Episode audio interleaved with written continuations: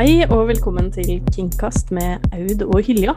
I dag så skal vi snakke om et tema som en lytter har eh, forespurt at vi skal snakke om, og det er uforutsette konsekvenser av å ha en kink. Det kan jo være så mange. Det kan være både positive og negative eh, konsekvenser av å ha det. Eh, det første jeg tenkte på når vi fikk den forespørselen, det var jo at og det er jo kanskje den konsekvensen som jeg merker mest, uh, og det er at uh, særlig menn tigger om å bli dominert.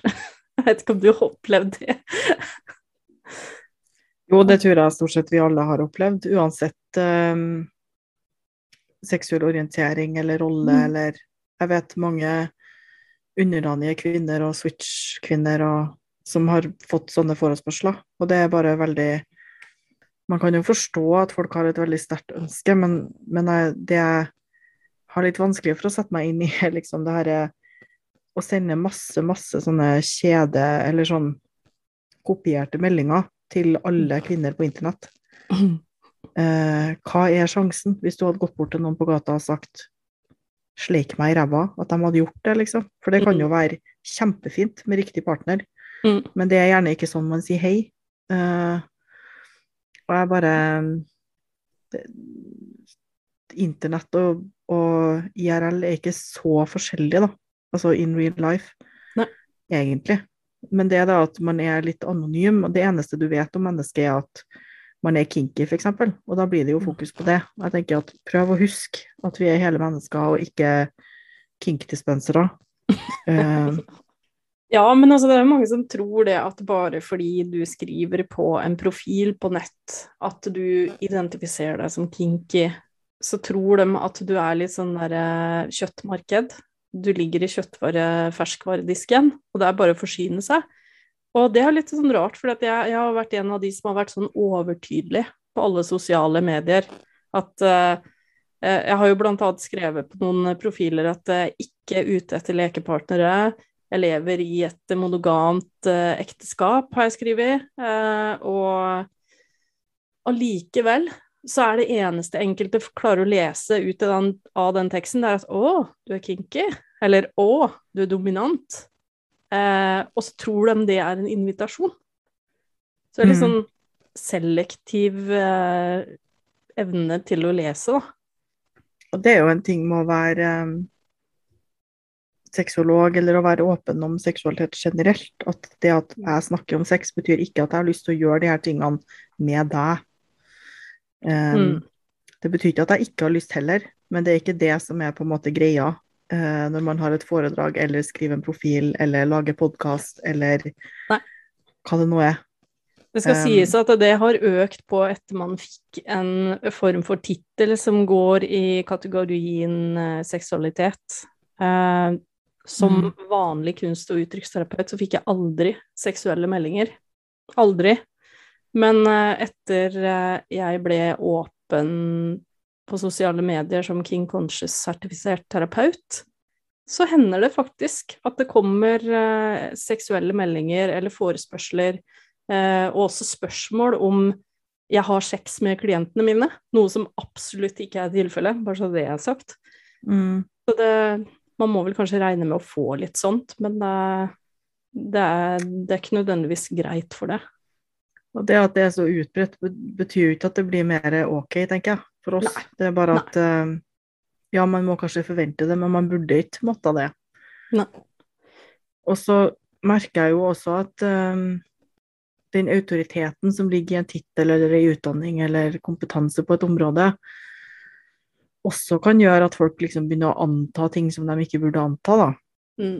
At uh, man skal ikke bare hjelpe folk eller dele av sin kunnskap, men man skal gjerne gjøre det gratis og naken. Og det er mm. ikke så veldig interessert i det, altså. Um, ikke for at jeg ikke kan gjøre gratisarbeid av og til. Jeg har gratis foredrag på Pride, f.eks., og, mm. og kan uh, snakke om priser når det er folk som har uh, ulike utfordringer. Mm. Men um, ja, det er liksom man Det er rart at hvis folk sender meg sånne meldinger på min profesjonelle profil på Fetlife, snakk om sex, Mm. Uh, og jeg påpeker at det står veldig tydelig i min profil at jeg er ikke her for å bli kjent med folk, jeg er her for å spre informasjon om at det finnes um, sexologer og andre um, Mm. som har kunnskap om BDSM og fetisj og, og relaterte tema, så får jeg gjerne en beklagelse, eller sånn 'Å, unnskyld, jeg skjønte ikke det'. Men på private profiler rundt omkring på internett, Mm. hvis man da skriver 'Det står i profilen min at jeg ikke søker partner', så får man gjerne en sånn 'Ja, men eh, det er jo så få dominante damer', eller 'Ja, men det er jo så få eh, som er kinky', ja, men eh, Og det tenker husk, husk at folk er hele mennesker, som jeg sa i sted, og at Mm. Om de to tingene du vet, er at noen er f.eks. kinky og eh, kunstterapeut eller sexolog, så er det like stor grunn til å si unnskyld, eller å ikke gjøre det, hvis du Mm. bare vet at folk er kinky. Mm. Det er et viktig poeng. Men eh, det er vel noe med å være kvinne på internett generelt, da.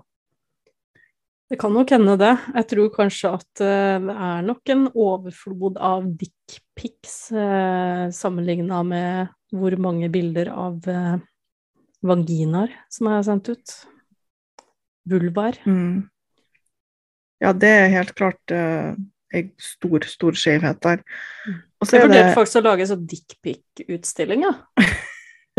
Kollasj eller sånn? Collage, Ja, en, sånn, ja, enten ja. collage eller lage en sånn skikkelig sånn dickpic-utstilling med eh, også chattelogger fra menn som bare Jo, men uh, nå har jeg sendt min, og da vil jeg se din, og, og så går ut ifra at det er liksom helt Ja ja, selvfølgelig. Jeg kjenner ikke deg, jeg har aldri møtt deg, men uh, ja ja, du skal få se vaginaen min, og det er mm, Ja. Det er jo ulike typer dynamikker, da. Om det er det at man har prøvd seg så mange ganger og fått så mange nei, at man går for den der sjokkfaktoren. Man vil heller at folk skal kjefte på deg for at du har sendt et dickpic, Mm. eller, eller å fortsette å ikke få svar. Ja. Eller om det handler om at menn som har sex med menn, sender jo ofte dickpics, og der er de i større grad velkommen. Det betyr ikke at det er Mm. greit å sende dickpics uoppfordra der heller. Absolutt ikke.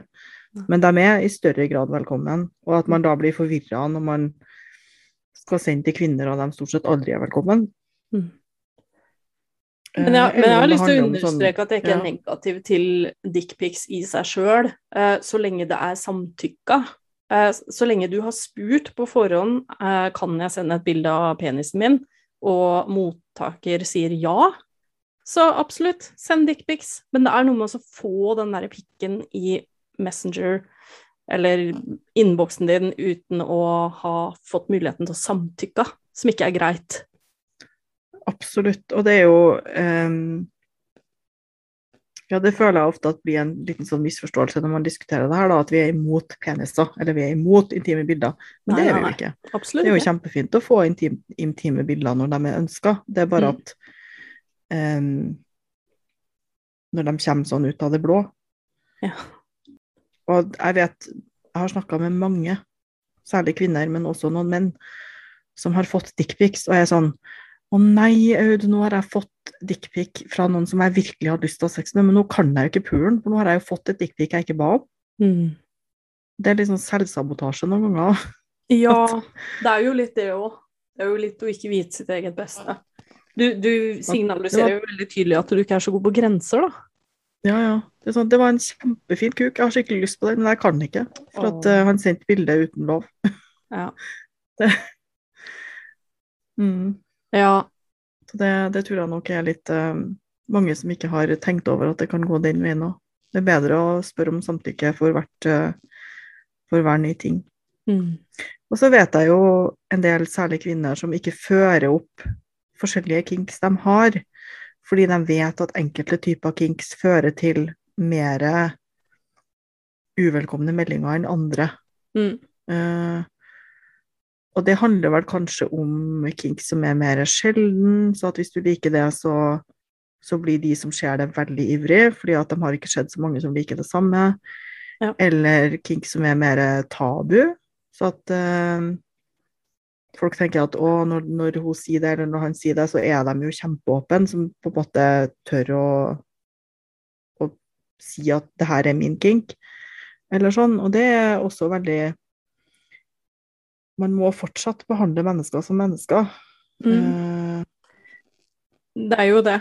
Men jeg tror du har helt rett i akkurat det der. For jeg hadde en samtale med en bekjent noe nylig, jeg fikk lov til å snakke om det. Jeg skal ikke si navn, da.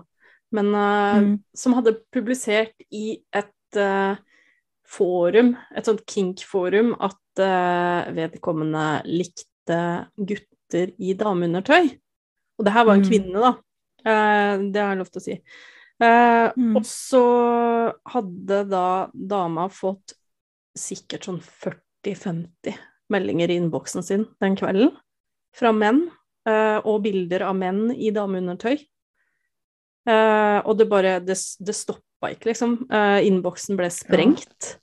Og det var jo også mye av det de skrev, disse mennene, det var jo da at herlighet, vi har aldri møtt en dame som liker menn i dameundertøy, og endelig, og, og det var liksom Jeg skjønner jo også det store behovet for å møte en kvinne som liker det, men det er noe med at lysten tar over for fornuften, så man Ja. glemmer egentlig det viktigste i hele den kommunikasjonen, som er samtykke, og som er eh, å bygge den tillit, det tillitsfundamentet, da, før du begynner å sende sånne bilder.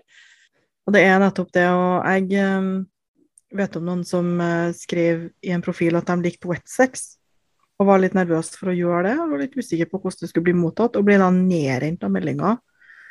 Eh, Det var også ei kvinne, da, hvorpå vedkommende ikke har det i profilen sin lenger, og ikke nevner det, fordi at det virker Det ga jo et veldig dårlig inntrykk, da. Er det bare folk som er fullstendig grenseoverskridende som liker det her? For det er det jo ikke. Det er jo en del som liker wet sex, det er en kjempefin kink. Mm. Men når, man, når det er det inntrykket man sitter igjen med etter å ha sagt det her syns jeg kanskje at kan være spennende å prøve, så forhindrer det kanskje at man prøver, da. Ja. Um, Ja, det er jo det. Og at mange som er har ulike, ønsker seg ulike roller innenfor BDSM, lar være å skrive det, fordi at de vet at det kommer til å komme eh, uvelkomne meldinger. Og eh, jeg tenker at det bør de som sender meldinger uten å ha bedt om samtykke eller lest profiler, være bevisst på. At Mhm. man skremmer folk av internett, at folk orker ikke å ha profiler på internett. Fordi at hva er vitsen hvis det oppfattes som at ingen leser profilen din? Mm. Du må skrive gjerne med capslook og sånn blinketegn, sånn her 'les profilen min' før du sender meg en melding, men det hjelper jo ikke det heller, da. Så Nei, det gjør ikke det, altså. og det er jo litt synd, da. Men jeg syns også det kan være noen positive konsekvenser av å være på nett og være åpen som BDSM-er, jeg må jo si det. Eh, I hvert fall, i hvert fall når du har en rolle som dominant, og det å oppleve at folk tar kontakt. Det fins også folk som tar kontakt på en veldig verdig og fin måte og hilser deg med Ønsker du å bli kalt mistress eller frøken eller unnskyld at jeg tar kontakt, og er liksom veldig høflig. Det syns jeg er veldig fint. Det er jeg veldig sansen for. Ja, det er fint. Jeg tenker at um, det er jo en uforutsett uh, fordel med å være kickster, tenker jeg, at man gjerne blir kjent med folk med samme interesse. Både via internett og på kafétreff og i det virkelige liv, og at man da kan være åpen og få støtte og lære seg nye ting. Mm. føler aksept, få et miljø rundt seg. Det er kjempepositivt. Eh, og jeg hadde ikke tenkt eh, for mange år siden at jeg kom til å ha så mange venner som er kinky, og som er veldig, veldig forskjellige på andre måter. Mm. Det er det vi har til felles. Det lærer man mye av. Ja. det er fint å ha venner som er forskjellige. Ja. ja, det beriker jo livet. Mm. Det er jo utrolig deilig å kunne møte et menneske på en kafé og snakke om alt fra en pisk til aksjemarkedet. Det, Mm. det gjør det mer interessant. Det gjør det. Du har et mye større mye større spekter å snakke om. Med variasjon, i hvert fall. Ja, jeg merker jo at det er noen ikke forutså at man skulle bli diskriminert, at man f.eks. blir nekta å leie leilighet fordi at huseier har skjønt at du er kinky og kanskje kommer til å ha lyst til å skru opp ting i taket. Mm. Eller at man spør om å få skru opp ting i taket, og da liksom blir nekta å leie. Mm. Enten fordi de skjønner at du er kinky, eller bare fordi at de ikke vil ha skruehull. Så er det jo også det at mange finner en styrke og en mestringsfølelse i det å være kinky. Det her med mm. Eh, flow som dominante kan oppleve at man kjenner at liksom, leketøy blir bare en forlengelse av, eh, av kroppen din, og mm. man føler seg utrolig det er en utrolig positiv følelse, der man kjenner at alt bare går rett, og stemninga er god, og du leser partneren din, og man har det veldig, veldig fint sammen. Og så har mm. man også bedre Man gjør en bedre jobb på jobben sin etterpå.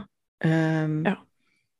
Og det er mange sånne fordeler. Det her med å ha vært og kan ta ut energi, eller å avreagere gjennom kink. Mm. Ja, altså, det er veldig jo, positivt. Ja, jeg tror mm. nok de fleste arbeidsplasser vil dra nytte av å ansette en som er, som er kink i privatlivet, da. Men jeg skjønner jo også at det er veldig mange BDSM-ere som har en stor frykt for å bli outa, eller bli avslørt og sparka eh, for sin samtykkende seksuelle praksis. Eh, for det er jo fortsatt mye stigma, det er fortsatt mye tabu, tabu rundt det å være BDSM-er, og mye sånn mm litt sånn misforståelser, kanskje. Uh, men det skal jo ikke være sånn at du skal miste jobben eller må argumentere for at uh, kink hører hjemme på, på, pride, som har vært Det burde jo egentlig ikke vært en diskusjon i det hele tatt. Å bli diskriminert fordi man er åpent kinky, er det For meg så er det litt sånn so what? Kinky, ja. Det er jo veldig mange som egentlig er kinky. Det er jo i ferd med å bli den nye eh, altså nye normalen, i gåseøynene. Ja, og, og, så er det jo det at for mange så vil det jo være veldig positivt å kunne være åpen, om ikke til alle du møter på gata, så i hvert fall til de nærmeste, og ja. når du skal inngå nye relasjoner og sånn. Men eh, en mhm. sånn litt sånn uforutsett eh, konsekvens av å være um, kinky for hvert fall folk jeg har møtt, har vært at man syns det er litt kult å være annerledes òg. Mm. Eh, man har ikke egentlig det her store behovet for å være en del av majoriteten eller å bli godtatt av alle. Man syns det er litt kult å ha et tenningsmønster som ikke alle deler. Man føler seg litt alternativ og, og, sånn. Og det er jo ikke positivt å tenke at man er bedre enn andre fordi man har en viss type sex. Det, det kan man godt slutte med. Men uh, for det er jo noen som er litt der òg. det er mm. bedre enn alt annet. Da tenker jeg ja, for deg, ja. Men altså um, Det er så mange mange forskjellige ting man kan gjøre. Og det at man har positivt utbytte av noe sjøl, er kjempeflott. Man trenger ikke å puste på andre um, for det. Jeg liker det at uh, Og det var, jo, det var, jo, litt sånn interessant når jeg først kom inn i et organisert BDSM-miljø, å oppdage variasjonen av mennesker. Det at det var så masse fargerike mennesker som bare ja, det var gamere, det var leger, det var skolelærere, det var uh, livere, det var hærkampentusiaster. Uh, det var liksom alt. Det syns jeg var kult, altså. Det var så stor variasjon. Jeg så for meg at kanskje folk så litt mer like ut. At alle gikk i svart. Uh, med sånne der stockings, og, og at alle mennene gikk i dress med sånne flosshatter og kanskje noen eh, sånne fine staver, hva de heter, sånne spaserstokker med et eller annet mm. sånt fint uh, ornament eller noe sånt. Ja. Men nei, det var en ganske stor variasjon. Så det var jo litt sånn hm, Jeg skjønte det at oi, her blir man kjent med ganske mange forskjellige mennesker, og det er jo Det var jo en uforutsett positiv konsekvens, det.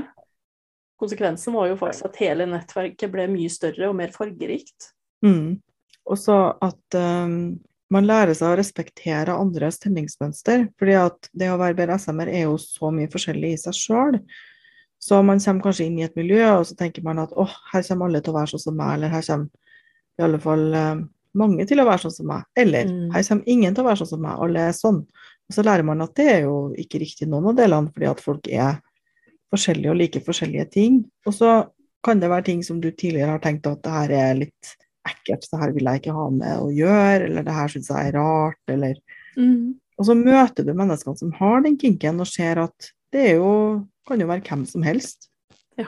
Eh, og at det er jo overhodet ikke noe farlig i forskjellige typer preferanser, BDSM eller kinks eller sånn. Det er ganske lærerikt. Altså den herre mm. 'your kink is not my kink, but your kink is okay', den har virkelig blitt innprenta av å være i uh, BDSM-miljøet. Ja. Og når andre folk da begynner å liksom ned på andres preferanser, så er jeg mye mer klar til å Men hvorfor er det problematisk for deg? Det var jo ingen som spurte om du ville være med. Nei. Altså, la noe andre ha det gøy, liksom. Det, Mm. Ja, og gøy òg. Det var Det også var Det for min del i hvert fall en uforutsett konsekvens. Jeg visste ikke at jeg kom til å ha det så mye gøy når jeg skulle inn og utøve BDSM. Samtykkende, sunn, sikker BDSM. Det jeg hadde utøvd før jeg kom inn i et miljø, før jeg ble forklart rammer og hvordan ting egentlig er lagt opp, det var jo ikke BDSM. Det var langt unna BDSM. Men det å faktisk kunne skjønne at oi, det her kan jo være lekent og gøy, og man kan tulle og flire, og det trenger ikke være så alvorlig hele tida, det var jo kjempegøy. Og det, det, er jo også mye forskning som viser det at, eh, at å ha en kink og utøve BDSM reduserer stress. Eh, og det var jo faktisk eh, noen undersøkelser som har blitt gjort, eh, som kan bevise at BDSM eh, utløser fysiske effekter. Eh, en litt sånn der à la zen-følelse som du kan oppleve under eller, eller etter en tilfredsstillende yoga- eller meditasjonssession, eh, eller etter du har trent, også etter du har hatt sex, selvfølgelig, eller under. Og det, det kan faktisk eh, redusere hvor mye kortisol som strømmer gjennom kroppen din. Og kortisol blir jo ofte kalt stresshormonet, og det kjenner jeg veldig godt til. Jeg har ofte en god del kortisol i kroppen gjennom hverdagen. Det tror jeg folk flest har gjennom en stressende hverdag og gjøremål. Eh, og da er det jo fantastisk at BDSM kan ha en sånn effekt. At den reduserer kortisol. Eh, og, det, og, lavere kortisolnivå det beskytter oss jo faktisk mot en rekke helseplager. Eh, du, altså konsekvensen av å utøve BDSM kan være at du, at du senker blodtrykket. At du, du du kan til og med faktisk redusere symptomer på astma, leste jeg på, i en artikkel eh, som het for 'Fifty Shades of Health for Surprising Benefits of Kinky Sex', som var skrevet av Mary Ketatos, faktisk. Det syns jeg var interessant, da, som astmatiker, at jeg kan redusere symptomene på astma. Ikke at jeg trenger flere årsaker til å utøve kink, altså, men uh, det var interessant. Så det, det er veldig fint. Ja. Og det å se liksom hva de fordelene er for ulike mennesker. At for noen så handler det om å ta ut stress, for noen så handler det om å føle at man får omsorg og blir tatt vare på, for noen så handler det om struktur og disiplin i hverdagen. Eh, det er så forskjellig. Det syns jeg er veldig inspirerende. da. At om mm. man gikk inn i det for f.eks. å lære seg en bestemt teknikk og få mestringsfølelse, eller fordi man ville utforske smerte for å se hvor mye man tålte ja, å få mestringsfølelse av det, så er det så utrolig mye mer man kan uh, se på. Trenger ikke å gjøre alt sjøl heller, men Nei, han gjør jo ikke det. Og det er jo Jeg vil jo si at det har mer positive konsekvenser enn negative konsekvenser å utøve BDSM. I hvert fall fra mitt ståsted. Fordi ja, det har fysiologiske eh, positive konsekvenser, men det har også relasjonelle og terapeutiske fordeler. Fordi at Eh, all fordypende forskning tyder faktisk på at BDSM-utøvere kan oppleve, ja, som vi har vært inne på i tidligere episoder, endra bevissthetstilstander som kan være terapeutiske. Eh, både gjennom lavere blodtrykk, sterkere immunsystem, eh, bedre hjertehelse, forbedra sjølfølelse kan vi få. Og du kan også redusere symptomer på depresjon og angst. Du får kan sove bedre. Uh, og de terapeutiske fordelene de tenker jeg først og fremst er fordi at BDSM ærer samtykke og jaet. Og det å, det å, kunne sette seg ned og diskutere at ja, dette er akkurat det jeg vil, sånn vil jeg ha det, jeg vil ha det sånn, ikke sånn. Og forholdt det samtykket hellig, og det har vi også vært inne på før, men vi kan på en måte ikke gjenta det nok, fordi det er jo så viktig. Og det kan jo oppleves terapeutisk hvor mange, bare det å ha de rammene eh, og få positive terapeutiske konsekvenser av å utøve BDSM. Absolutt, og det finnes jo forskning som viser at BDSM-ere er bedre på kommunikasjon. Fordi man må gjerne snakke mer grundig om hvilken rolle ønsker man, skal man ha maktforskyving, hva er preferanser, hva er grenser, mm. som alle burde snakke om, men som BDSM-ere gjerne er bedre på enn andre sånn statistisk sett. Det er superviktig, alle de fordelene du nevner med ja, alle de fordelene du nevner, rett og slett. Jeg skal ikke ramse dem opp på nytt. uh, ja. Men det er jo, det er jo uh, som jeg nevnte på det med relasjonelle fordeler også, uh, i forhold til at når du er i et parforhold eller i et forhold med en annen person eller flere, så, så har du jo muligheten til å forbedre den seksuelle fantasien. Du kan ha en seksuell variasjon som reduserer sjansen for å kjede seg i forholdet, blant annet. Og, og, de som praktiserer kinky sex, har, som du nevnte på, gode kommunikasjonsevner. Du er veldig god på, på den forhandlingsprosessen i forkant og etterkant, og, og, det å følge opp. Det med aftercare og alle disse systemene som er lagt opp rundt BDSM. Så det er jo det er jo ikke rart at forskere kommer fram til det, kanskje, at uh, vi ofte er tryggere i forhold også, BDSM-ere. Mm. Fordi det bygger jo tillit, det å mm sammen bli enige om hva man skal gjøre, og oppleve at grensene blir respektert, som du var inne på, at man ja, bygger samhørighet og tillit på den måten. Det er veldig positivt for, uh, for relasjoner mellom mennesker. Mm. Og en sånn annen liten bonus da med å være åpen, det er jo den her interne humoren. Yeah. Uh, som ikke Kinksters gjerne ikke skjønner. Man kan dele memes eller sånt som vi syns er morsomt, men som ikke tas av alle. Så sånn. lærer man jo Man lærer jo noe om seg sjøl av å gjøre ting generelt i livet, da, men også å drive med BDSM. Hva er det jeg liker spesielt godt, hva er det jeg ikke liker så godt? Eh, hva er det som er viktig for meg? Noen finner ut at de liker én eller få ting veldig, veldig godt. Andre finner ut at de liker mange forskjellige ting, og er kanskje ting som var overraskende. Når man først begynner å utforske, så kan man finne ut at oi, her var det mer enn jeg tenkte, som jeg kan like å sette pris på. Mm. Det, er en, det, er jo en, bra ting. Absolutt. Det er det. Det, det fins mange fordeler med, og mange positive konsekvenser, også selvfølgelig noen negative, med å utøve BDSM. Men jeg syns egentlig at uh, vi har oppsummert de viktigste, eller de uh, de beste, i hvert fall, konsekvensene med det. Eh, mm. Og så, så, er det jo sånn at vi skal ha en episode neste gang som eh, kommer til å handle om det å utøve BDSM som forelder. Og det er jo et litt interessant tema, fordi at eh, det, er jo, det, er jo, ganske mange fallgruver uh, i forhold til det å være BDSM-er og ha barn. Hvordan skal man balansere det å sette tydelige grenser for hva som er barnets seksualitet, og hva som er din?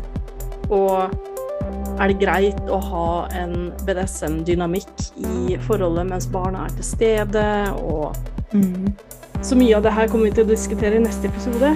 Så hvis det er noe som er interessant, så håper vi at dere følger med oss. Og takk for at dere var med i dag.